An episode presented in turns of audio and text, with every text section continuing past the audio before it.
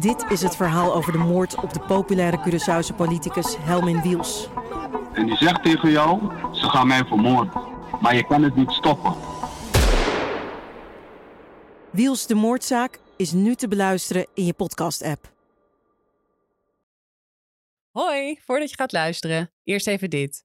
Als je de Parool Misdaad podcast leuk vindt, dan ben je misschien ook geïnteresseerd in de andere podcast van het Parool.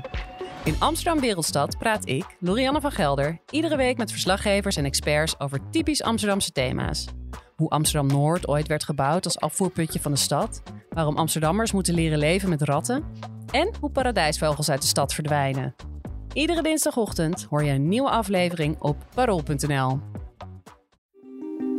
Er is een brute, laffe misdaad gepleegd. Geweld moet stoppen, ja, sowieso. Het Openbaar Ministerie eist forse celstraffen tegen de verdachten in het Marengo-proces.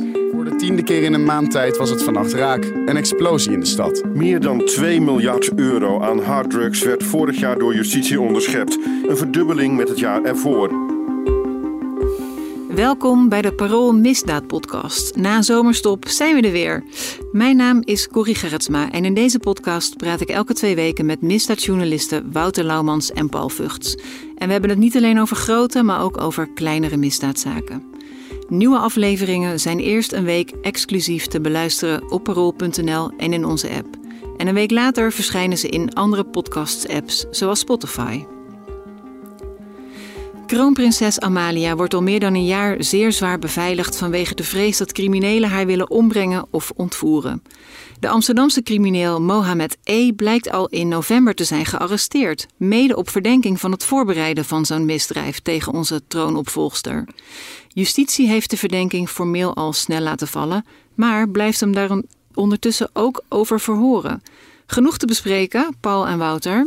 Welkom terug ook, zongebruind uh, van vakantie. Het is trouwens niet waar, Paul. Je hebt de hele zomer op de redactiekaart zitten werken natuurlijk. Paul is doorzichtig nog. En in de regen. En wij zijn lekker gekleurd, hè Wouter? Wij zijn uh, lekker in de zon Ik geweest. zat een stuk op het terras, maar wel in de regen.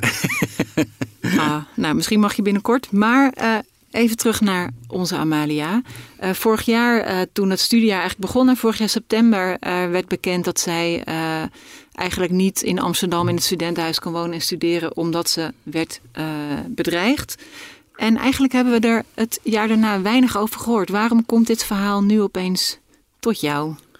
Nou, dat, uh, de, de crimineel over wie het gaat, die heeft uh, mij via via benaderd omdat hij met zijn hoofd tegen de muur bonkte in de cel. in woorden van degene die me benaderde, omdat hij niet kan verkroppen dat hij hieraan gelinkt is. Um, en um, er is een uh, dossier uh, tegen hem opgebouwd. Hij is overigens ook gearresteerd. Uh, die verdenkingen zijn er nog wel voor het handelen in automatische wapens, explosieven en drugs. Dus er is sowieso wel een serieuze zaak tegen hem. maar hij zegt dat. Uh, dat komt allemaal uit berichtenverkeer, PGP-berichten. Daar zei ze weer uh, dat uh, allemaal niet door mij is verstuurd. Hij zegt, ik heb dat account niet gebruikt. Nou ja, dat is een beetje standaard verweer in veel zaken. Maar hij zegt, zeker heb ik niks te maken met die krankzinnige, gestoorde verdenking dat ik... Amalia wat zou hebben willen aandoen, de kroonprinses. En hij zegt, ik heb zelf vijf kinderen onder wie een dochter in die leeftijd. Die, ja, ik vind het verschrikkelijk. Het is de hel op aarde om zo te moeten worden beveiligd als je midden in je studententijd zit. Nou, hij wilde um, uitroepen uh, dat hij het niet gedaan heeft. Uiteraard ga ik dat niet zomaar blind in de krant Nee, ik wil zeggen, als je, als je dan zo'n uh, via via een telefoontje of een mailtje krijgt, denk je dan gelijk, hebbes? Nee, dan denk ik, nou, laten we eens even beter weten wat hier nou precies speelt. En uiteindelijk blijkt dat dan te zijn, nou ja, er is, uh, er is een, uh, construct van factoren waardoor de alle alarmbellen afgingen. En de allereerst is dat dat PGP-account waar hij, hij werd, wordt gekoppeld. daarmee is een bericht gestuurd en dat bericht luidt... Die vrouw die vioolles geeft aan die Amalia geeft info aan me. Me aan mijn mensen, bro. En later, uh, acht seconden later, uh, komt er een nieuw bericht uit dezelfde account. Ja, ik ga die gok wagen, bro. En daar schrijft dan de recherche over. Die Amalia, dat moet wel kroonprinses Amalia zijn. Want uh, dan is het een grote gok om wat te doen. Want zij wordt natuurlijk omgeven door de dienst Koninklijke en Diplomatieke ja, Beveiliging. Ja, niet dat het over een willekeurige Amalia ergens anders vandaan zou zijn. Dat, de, de recherche gaat daar niet vanuit. En vervolgens is heel belangrijk dat er nog andere berichten uit hetzelfde account zijn gestuurd. Iets daarvoor. En die gaan bijvoorbeeld over uh, John van der Heuvel, Mick van Wely en Peter R. de Vries. Uh, degene die dat account gebruikt. Ja, de misdaadjournalisten van de Telegraaf, hè? Juist. Uh, en degene die dat account gebruikt, zegt: Kijk, als je die BSN-nummer kan achterhalen van Nick van Wely, John Heuvel en die Peter Erbro, adres hebben we al, moet BSN-nummer hebben. Die liggen op straat. Door die coronavaccinatie, ik geef je 5k, 5000 euro. -hmm. um, per BSN-nummer, bro. Het paspoortnummer, die Sophie-nummer van ze. Um, kijk, dat geeft het een extra lading. Dus bij de recherche gaan meteen alle alarmbellen af. Want dat is dus kennelijk iemand die uh, bovenwereld mensen, zoals de twee misdaadjournalisten van de Telegraaf, zoals Peter R. de Vries, en zoals dus, koppelen zij eraan, Amalia op het oog heeft om kennelijk wat aan te doen. Uh, nou, vervolgens is er nog uh, meer informatie, namelijk dat uh, hij, deze verdachte, staat op een foto samen met Greg R. Greg R. Was een soort erelid van de motorbende Calawago. Calawago, daar hebben we het hier vaker over gehad. In de grote liquidatiezaak Eris is hij een van de verdachten en andere Calawago-leden uh, zei dat ook. Uh, van het plegen van liquidaties tegen Greg R. is levenslang geëist. Um, vanwege zijn rol uh, in een moordcommando dat ook voor Ridwan Taghi um, zou opereren. Dus dat zijn allemaal plusjes bij hetzelfde. Er was ook al een MMA-melding, een anonieme tip geweest, 2019, over deze meneer. Uh, dat hij uh, levensgevaar liep. Dat specifieke criminelen uit het zuiden van het land, Wouter en ik kennen ze wel, uh, hem zouden willen doodschieten. Deze crimineel dus. en dat hij hoort bij ja, wat in, in die termen de mokromafia wordt uh, genoemd. Maar bijvoorbeeld dat je met iemand die, weet je, een soort two-handshake zo heeft van Ridwan Taghi op een foto staat, is dat dan echt zo'n groot plusje? Ja, het is dichterbij dan ik, ik bijvoorbeeld. Nou ja, ik kan me wel voorstellen dat mensen het zeker voor het onzekere nemen. Mm -hmm. He, en die, die, die Calawago, die wordt eigenlijk gewoon gezien als een, als een doodseskader van Ridwan Taghi. Dus dat is ook niet zomaar even iets. Paul zei het net ook al. Die, die motorbende is vervolgd in, uh, in Eres. En dat is echt wel een hele forse liquidatiezaak geweest. Ja. Uh, waar nu het hoge beroep van loopt. Vergeet je ook niet dat Peter R., Peter R. de Vries, over wie we het hebben, is vermoord in juli 2021. Dus dan krijgt het wel weer een hele andere uh, plus. En je hebt het uh, onderzoeksrapport van, van de Onderzoeksraad voor Veiligheid gehad, waar we het hier vaker over gehad hebben. Waarin stond alle missers die de overheid heeft gemaakt in het beveiligen van mensen, het missen van concrete informatie. In die context blijft natuurlijk deze informatie na-resoneren. En dat is wel iets heel heftigs. Denk je eigenlijk dat, omdat ze, ze hebben die PGP's dus doorzocht nadat Peter R. de Vries is vermoord, dat ze hebben gezocht op zijn naam en toen Amalia hebben gevonden? Of zou er ook al een soort alert op haar naam en die van nou, dat, dat kan, hebben gestaan? Dat kunnen we zo niet zeggen, want in, uh, dit is in september 2022, dus ruim een jaar na de moord op Peter de Vries, is deze badge, zoals dat heet, uh, aan berichten beschikbaar gekomen uh, voor de recherche. Uh, twee dagen later uh, meldde John van der Heuvel in de Telegraaf dat uh, Amalia in de zeer zware beveiliging moest leven vanwege de verdenkingen dat de mokromafia het op haar had voorzien, zoals dat in die termen steeds heet. Ik gebruik de term niet graag, dat weet je. Um, en er is ook nog een nummer van iemand, een van de verdachten uit Marengo, uit de, de zaak Ridwan Taghi, stond ook in de te telefoon van deze Mohammed E. Dus zijn we toen, als startinformatie, zijn het wel heel veel plusjes en is het echt wel uh, heel begrijpelijk dat alle alarmbellen afgingen. De vraag is vervolgens, wat doe je ermee? En ja, dat is heel ingewikkeld, want uh, was die Mohammed E. al eerder voor uh, criminele zaken veroordeeld? Ja. Of echt bekende van de politie? Ja, ja, hij is al lang een bekende van de politie. Hij heeft ook een strafblad, ook wel wat sepo's. Maar, uh, maar niet voor het soort zaken aanslagen tegen de bovenwereld, zeg maar. Of narcoterreur, zoals we het hier wel noemen. Nog niet. Maar goed, ja, kijk, dat de staat dit in eerste instantie buitengewoon serieus heeft genomen, dat vind ik helemaal niet raar. De vraag is vervolgens, hij moet dan drie dagen na zijn arrestatie moet hij worden voorgeleid aan de onderzoeksrechter. En dan wordt hij wel voor die automatische wapens en andere wapens, explosieven en drugs voorgeleid. Maar niet op de verdenking uh, van het iets willen aandoen van Amalia. Uh, de staat zegt, ja, we, waren, we zijn gaan onderzoeken. We hadden nog geen extra plus. En dat is ook later helemaal niet gekregen. Dus het is helemaal niet veredeld, die informatie weer. Dus die verdenking heeft niet meer uh, gestalte gekregen. Uh, dat is natuurlijk zo. Aan de andere kant kun je ook stellen, en die gedachte zit aan zijn kant ook wel, van ja, als ze hem niet op mijn aanklacht zetten, hoeven ze me geen dossiers te geven. Dus kan ik me niet verweren. En ondertussen word ik er wel steeds over verhoord. En dat zit bij hem ook heel hoog. Nou, er zijn, er zijn natuurlijk, en wat er, kijk, ik bedoel, in, in dat ene zinnetje staat natuurlijk wel iets heel opmerkelijks. Uh, en dat is van, over die, uh, we hebben al gegevens via corona. Hè, dus via teststraten van corona hebben ze al burgerservice nummers van, van misdaadjournalisten. En dat klopt. Want er zijn in uh, september 2021 zijn, uh, twee mensen veroordeeld door de rechtbank Midden-Nederland. En die werkten in zo'n coronateststraat. En die hebben ook inderdaad gegevens opgevraagd van uh, twee misdaadjournalisten, waaronder dus Peter R. de Vries, de, de BSN-nummers. Dus dat dat gaande. Ik snap wel dat ze al die informatie bij elkaar gaan vechten. Van ja, hey, dit past wel. Het, het is niet zomaar geklets. Weet je wel, wat, wat hier. Het, je kan natuurlijk uh, uh, snel zo'n zo, dit soort informatie afdoen als een soort kroegpraat. Nou, dat zullen ze bij in het geval van Amalia nooit doen. Maar van ja, dat zijn twee, twee branimakers en, die, en, die, en die, die kleppen gewoon wat met elkaar. Maar als dat ook echt past bij dingen die feitelijk ook die gebeurd zijn. zijn, ja. Ja, en, en via in die teststraten zijn dus mensen geweest die, die ja, in opdracht op, op verzoek van derden gewoon uh, gegevens hebben opgevraagd van, van misdaadjournalisten. We hebben daar een hele podcast hebben we daar ook over gemaakt. Dat het ja, dat, dat er zoveel gegevens. Je moet overal je, je e-mail en je adres en weet ik veel invullen. En dat mensen die daar kwaad mee willen, dat die daar uh, van alles mee kunnen. Nou, dat is natuurlijk ook gebeurd. Zoals ook in de zaak van Youssef Taghi, die de open lijn van de Ridwan Taghi lange tijd is geweest, advocatenneef, ja. ook aan de orde kwam dat er gezocht werd naar, uh, uh, via een informant bij de Belastingdienst naar gegevens van medewerkers van de EBI, de extra beveiligde inrichting Vught.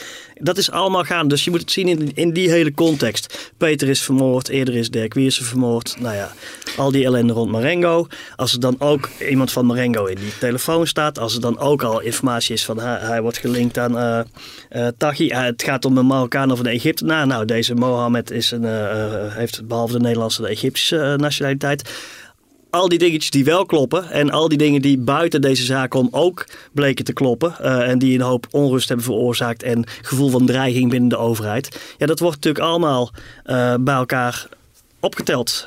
En dan is het volkomen logisch, uiteraard wordt Amalia en de hele koninklijke familie al beveiligd door de dienst Koninklijke en Diplomatieke Beveiliging. Uh, en die schalen maximaal op. En dan krijg je, hoe schaal je weer af? Ja, want Wouter, ik kan me herinneren dat jij toen dat bericht naar buiten kwam, dat jij ook hebt gekeken waar in de buurt waar zij woonde, hè, in Amsterdam. Nou ja, ik, ik wil eigenlijk die vraag aan jullie stellen. Wat dachten jullie toen jullie hoorden dat Amalia in Amsterdam ging wonen en studeren? Wat dacht jij toen, Corrie? Ik dacht, leuk, we kunnen vast weer verhalen over maken dat ze ergens gezien wordt in uh, studentenwereld. Ja. En, uh...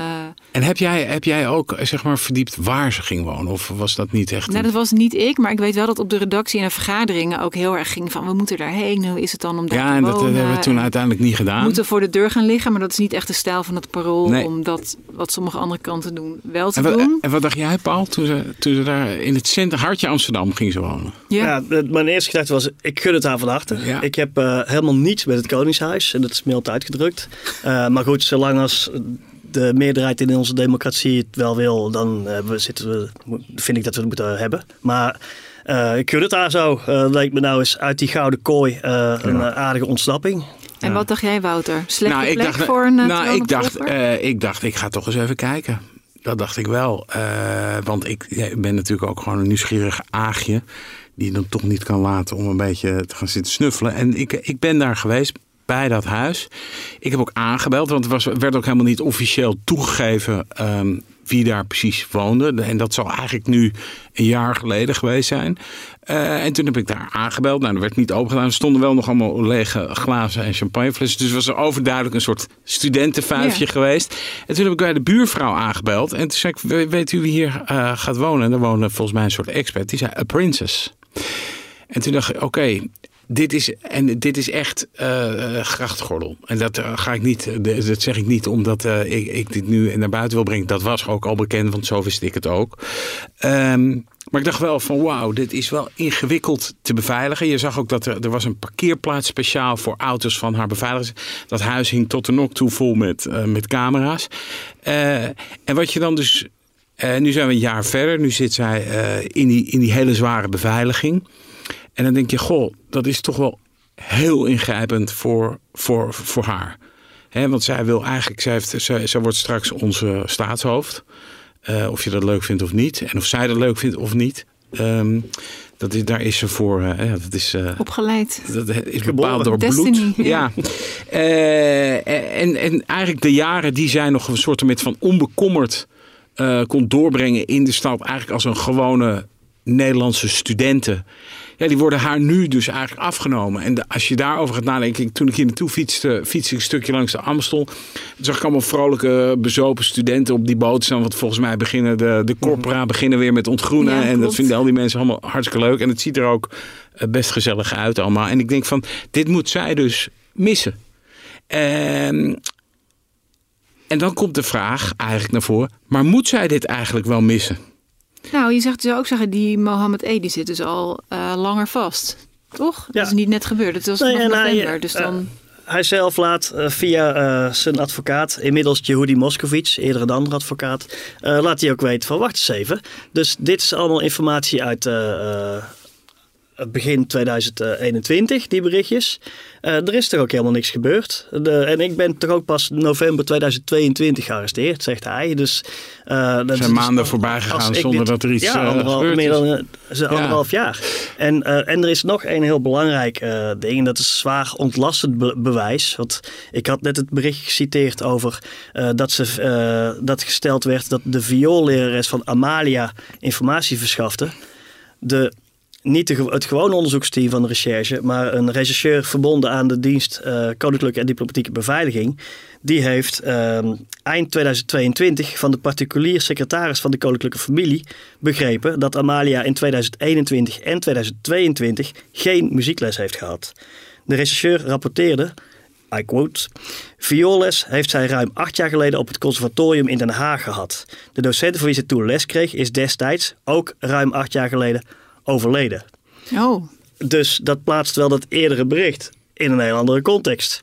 Eh, dat is ook weer een reden tot onrust eh, bij eh, de verdachte. Want die, dat proces verbaal van deze rechercheur, dat ik nu citeer, dat is al van december eh 2021. En dus hij zegt, dat komt nu pas ineens, of december 2022, sorry. Dus een maandje na zijn arrestatie is dit proces verbaal gekomen. Maar het is niet gevoegd in het dossier. Dus, al die, dus een heel belangrijk ontlastend bewijs. ja, maar aan de andere kant, dat iemand er al naar zoekt, ook al hebben ze foute info, hè, moet het eh, tennisles zijn in plaats van vioolles, is natuurlijk niet per se ontlastend. Nee, Zijn nee, maar gesteld wordt dat hij het krijgt van de vioollerares. Oké, misschien krijgt hij het van de tennislerares. Ja. Dat, nee, maar dat- daar hoef ik verder ook geen eh, standpunt over in te nemen. Maar het is wel iets dat in het hele feitencomplex wel heel belangrijk is. Van wacht eens even, dit kan in elk geval niet. Vioollerares, acht jaar dood. Dus dat kan het niet zijn. Even nog terug naar die beveiliging van Amalia. Ja. Hè? Want ik bedoel, de, voor de, deze eh, verdachte is het heel erg vervelend. Eh, voor Amalia is het eh, nou, zo mogelijk, nou dat weet ik niet. Ik kan geen leed vergelijken met maar het is ook heel vervelend. En het roept gewoon de vraag op van jongens, moeten we, moeten we, moet hier niet gewoon toch kritisch gekeken worden naar die, eh, naar die beveiliging? En ik bedoel, het probleem is met dit soort verhalen, ik bedoel, ik heb er ook veel met Paul over gehad, is dat je nooit precies kan, omdat dit allemaal, dit is allemaal sexy, ultra geheim.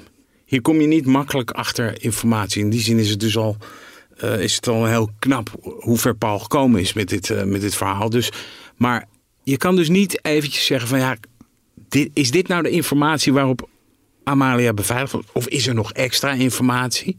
En hoe wordt die gewogen? Daar kan eigenlijk de pers geen controlerende, eh, haar controlerende taak dus niet uitvoeren. Omdat het allemaal, ja, dat zit achter een muur van, van staatsveiligheid. Maar st- ja, stel dat die informatie die wel is, wie weten dat dan allemaal? Ja, dat zullen hooggeplaatste eh, eh, mensen zijn die. Ja, als, ik, als ik Willem-Alexander was, zou ik nu willen weten van jongens, hey, hoe zit dit nou precies? Maar en laat mij nou even heel precies weten. weten. wat is die informatie en wat, waardoor mijn dochter nu zo in die, in die eh, zware beveiliging zit. Wat is die informatie en hoe wordt die gewogen en wat zijn de plusjes en wat zijn, de, wat zijn alle afwegingen? En dat gaat hij niet krijgen. En dat heeft hij ook al gezegd. Ze, eh, Willem-Alexander en Maxima hebben al een keer gezegd bij een van de persmoment of Ja. zo, waar bepaalde collega's van ons dan eh, gaan een beetje hoofdsvragen gaan stellen aan het koninklijke paar. Maar die heeft ook gezegd, we, we weten niet meer dan jullie, als ik het even vrij vertaal. Ja. En, en dat is zo heftig. Dat is ook dit wel soort- makkelijk om te Ja, maar zeggen. ik bedoel, we zitten Nou- hier met een ervaringsdeskundige aan tafel. Hoe ging Ja. het bij jou, Paul? Ik bedoel, jij zat in die. Wat, wat kreeg jij te horen? Ik, ik had de hele dikke mazzel dat mijn informatiepositie veel beter was dan die van de overheid. Omdat ik uit het milieu geïnformeerd was van, van A tot Z. Maar sinds, ik, sinds bekend werd eh, toen, 2017, dat ik in de zwaarste beveiliging zat, ook van diezelfde DKDB-dienst, eh, heb ik heel veel contact met mensen die ook in die beveiliging zitten. En die zelf geen informatie hebben. En die worden er gek van. Eh, Peter en de Vries werd er ook gek van. Die Ja. wilde ook weten, als er dreiging is, waar komt die vandaan? Hoe moet ik die dan wegen? Ja, het is een beetje alsof je zelf geen beslissingsrecht meer hebt. Nee, dat is zo, het. hè? Dat je... Niet een beetje, dat is het. Ja. Er zijn mensen echt met goede posities, ook binnen de opsporing en in de rechtspraak, die er echt gek van worden en emotioneel van worden. Van hé, hey, er wordt mij allerlei eh, maatregelen opgelegd, een regime opgelegd. En ik krijg niet eens als volwassen eh, persoon te horen waar gaat dit precies over en zo. Ja, maar hoe En- en hoe vormend is zoiets, hè? Als toekomstig staatshoofd? Hoe vormend is dit? Dat je dus als, eh, ik bedoel, eh, Paul heeft erin gezeten, ik godzijdank niet, maar ik, eh, ik heb ook met veel mensen gepraat die erin zitten of hebben gezeten. Ehm, en je ziet, het verandert je. Hoe je, het, hoe je het ook went of keert, het verandert je in meer of in mindere mate. Er is ervoor en er is daarna. En dit, dit meisje, want het is natuurlijk gewoon een meisje die gewoon in deze ellende zit en niet meer. In één keer heb je je bewegingsvrijheid wordt enorm bekneld. En ik denk dus dat je gewoon als samenleving toch echt wel even moet kijken van jongens, is dit en dat moet en dat zal ook wel gebeuren.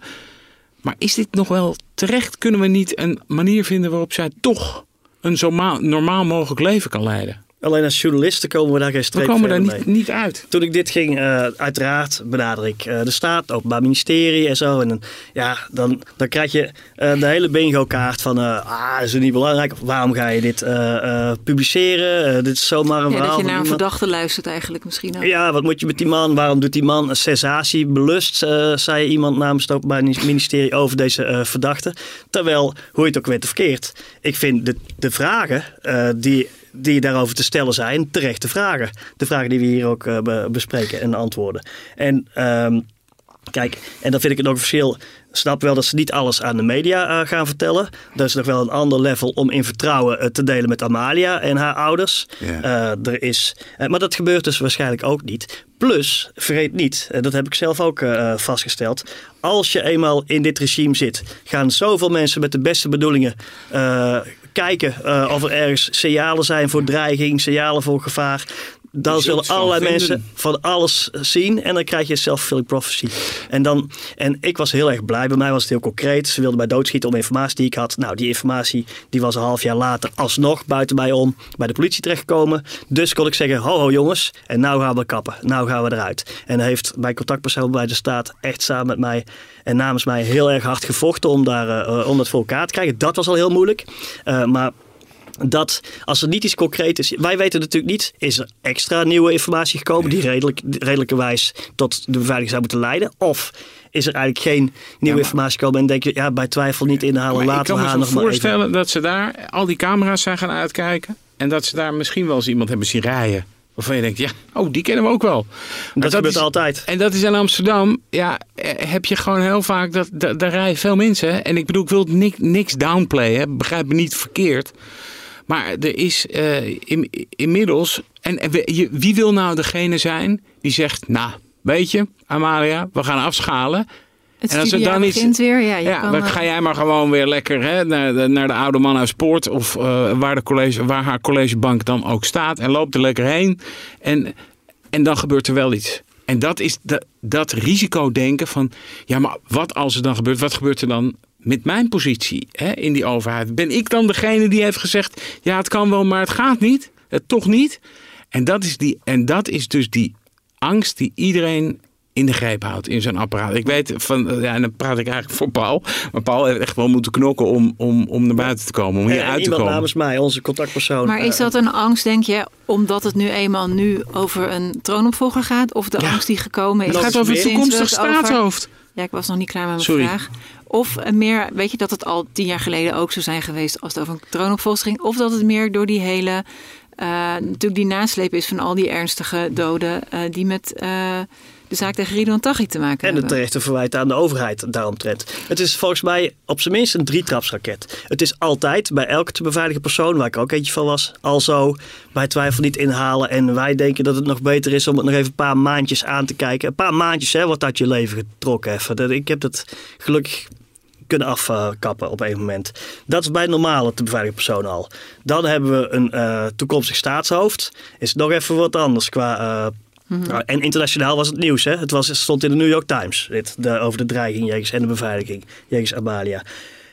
En dan hebben we nog alles wat rond Marengo is gebeurd. De broer van de kroongetuige die vermoord is, onschuldige broer. Uh, de advocaat van de kroongetuige, Peter de Vries, de vertrouwensman. Eerder al misdaadblogger Martin Kok, uh, waar uh, Ridwan Taghi van wordt verdacht opdracht hebben gegeven. Aanslagen op de pannen van de Telegraaf en Panorama in die sfeer krijgt dit natuurlijk allemaal nog steeds extra van wow, wow, wow, wow nul risico. Ja. Dit, gaan we even, dit risico gaan we niet nemen. Maar het netto resultaat is dat die Amalia uh, haar studentenleven niet kan leiden zoals uh, ze wil. En niet op zo'n bootje kan staan. Uh, zij met vijf beveiligers om zich heen nu dat door de Amstel dobbert. En dat iedereen een beetje teut is ja. om drie uur s middags. Het is, ook, het is ook inmiddels de kracht van het T-woord hè? Het is in, zeg maar in 2015, daar denk ik wel eens aan, had nog nooit iemand van Ridwan Taghi gehoord. Dus, ja, iedereen schreef zijn naam verkeerd. Uh, als, die al opges als die al opgeschreven werd, inderdaad. Uh, en, en nu inmiddels is het gewoon, ja, ieder, de overheid, iedereen schiet gelijk in een enorme kramp zodra daar ergens een hoe ver die ook is, een link met Ridwan uh, Taghi uh, uh, gelegd wordt of kan worden. En dat, is, dat, dat speelt hier natuurlijk ook op de achtergrond allemaal enorm mee. En, en, en, ondertussen wordt er een heleboel beleid gemaakt en allemaal vanwege Ridwan Taghi. En in die zin heeft, is hij voor de kanon Nederland enorm belangrijk geweest. Kun je waar, wel waar, moeten nu die vaststellen. kramp, waar moeten die kramp dan een beetje beginnen met wegmasseren? Weet je, waar ligt dat dan? Nou, maar je, vooral in deze zaak, als je zegt we komen geen nieuwe info te weten, alles is staatsgeheim, is het natuurlijk. Het is voor ons niet, bijna niet te controleren wat er nou ligt. Ja. Dat is bijna gewoon, dat is bijna ondoenlijk. Dus wij kunnen dit niet doen. Wij kunnen dit naar buiten brengen, dit wat we wel weten. Uh, dus alles wat er uh, zorgen baart en, en wat er ook niet zorgen baart. Dus dat, dat iets wat ontkracht door acht jaar geleden is die viool is al uh, overleden. Dat is as much as we can do. Uh, maar ik vind wel dat er een commissie van wijze mannen en vrouwen die echt hier uh, hun werk in hebben, uh, gezamenlijk met de beleidsbepalers en gezamenlijk vind ik ook met de te beveiligen persoon in casu Amalia. Ja, en wat wil jij nou, Amalia? Wat vinden we samen hiervan verstandig? Gaan we jouw leven kapot maken om je leven te redden? Want zo kan het ook uh, gevoeld worden. Hè? Op dit moment studentenleven dan, hè? niet de rest van het leven. Maar haar studententijd mm. gaat naar de kloten om haar leven te redden. Uh, nou, uh, wat vinden we daar allemaal van? En gaan we eens even nuchter, rustig kijken. Misschien kun je wel gewoon met een twee tandjes minder beveiliging. Het hoeft niet meteen tussen, tussen alles en niks zit ook nog wel een paar tussenstappen. En um, nou ja, misschien ben ik er inderdaad extra fel op omdat ik. Ik, ik had het niet kunnen uitstaan als ik nog een week langer uh, dan ik wilde in, in zo'n regime zou moeten uh, leven. Omdat het alleen maar. Je kunt dat alleen maar aan als je ervan overtuigd bent dat het terecht is. In mijn geval was dat zo. Ik, ze wilden me doodschieten. Er waren sterke aanwijzingen dat het aanstaande was. Dus doe het er even mee. Mijn vriendin reageerde fantastisch op. Dus we hebben samen besloten. We doen het er even mee. En we kijken hoe we dit uh, gaan op lange termijn. Hoe we hieruit gaan komen. Maar Amalia moet die rechten ook krijgen. Uh, maar en het bleek bij jou gelukkig eindig in de zin van dat die uh, concrete dreiging dan weg was. En Omdat bij het dit concreet is het was. dus maar de. Weet je wat je net zegt? Nee, een soort loop ziet- dat je het hier niet Omdat weet. het niet concreet is. Maar je ziet hier dus ook. Ja. Meer. En je ziet ook dat het gewoon het tijdperk. dat- Dus Willem-Alexander, die eh, heeft eh, in Leiden of, of eh, Leiden gestudeerd. Nou, die komt daar gewoon. die is ook wel eens vroeger in de discotheek dansen bij Jansen. st- straalbezopen richting de Dam gewandeld om daar te gaan pitten. En dat, dat kon allemaal gewoon. En eigenlijk kom je er nu steeds meer achter. Misschien is die tijd wel definitief voorbij. En dat is tragisch. Dat is jammer. Want ik bedoel, het is eigenlijk best wel mooi dat je.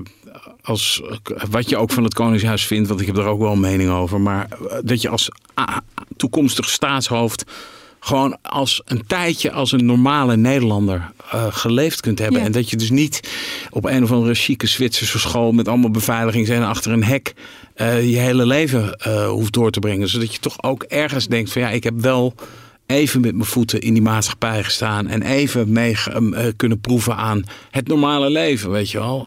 En ik denk dat dat toch wel gewoon door deze hele kwestie definitief uh, voorbij is. Het heeft, Sluit ik niet uit. De gedachte is dat ook die dienst Koninklijke Diplomatieke Beveiliging, ik heb daar groot respect voor gekregen, maar die hebben ook concepten waarin je minder zichtbaar uh, beveiligd wordt en zo. Waar, waar, bij wijze van spreken uh, Amalia ook in een club kan staan gewoon, uh, ja. zonder dat de oortjes helemaal om haar heen staan. en dat kan, dat maar kan goed, intelligent. Ik neem ook aan dat ze niet nu altijd ja, je, thuis zit of in een Nee, maar stel nou, stel nou ze, ze wordt nu nog wat dingen, alleen ze woont niet. Is zo. maar dat zit ook iets voor de pers. Hè? Stel nou ze wordt nu gesignaleerd in een nachtclub.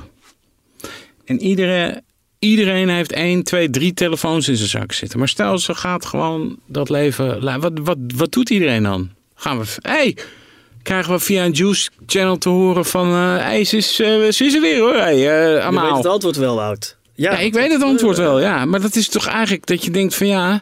Maar, en, en gaat de pers dan schande spreken van, en, en, en de minister aanspreken van hoe kan het bestaan dat dit zomaar kan terwijl die vrouw gevaar loopt? Wat gaat er allemaal?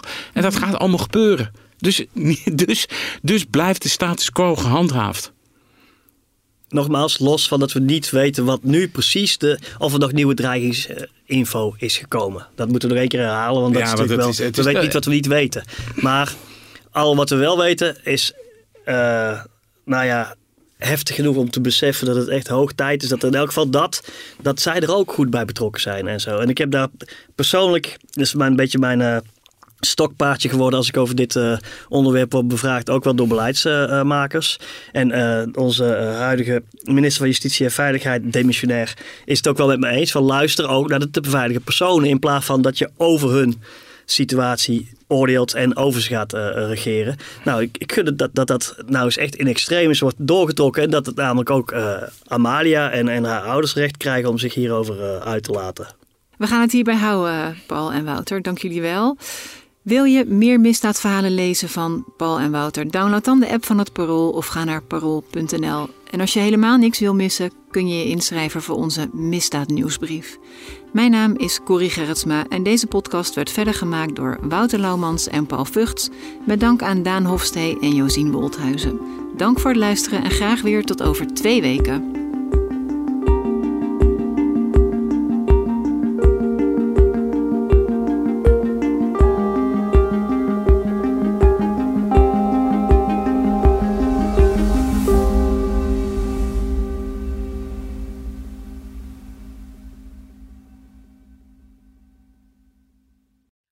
Ik ben Camilla Leupen, hoofdredacteur van Het Parool.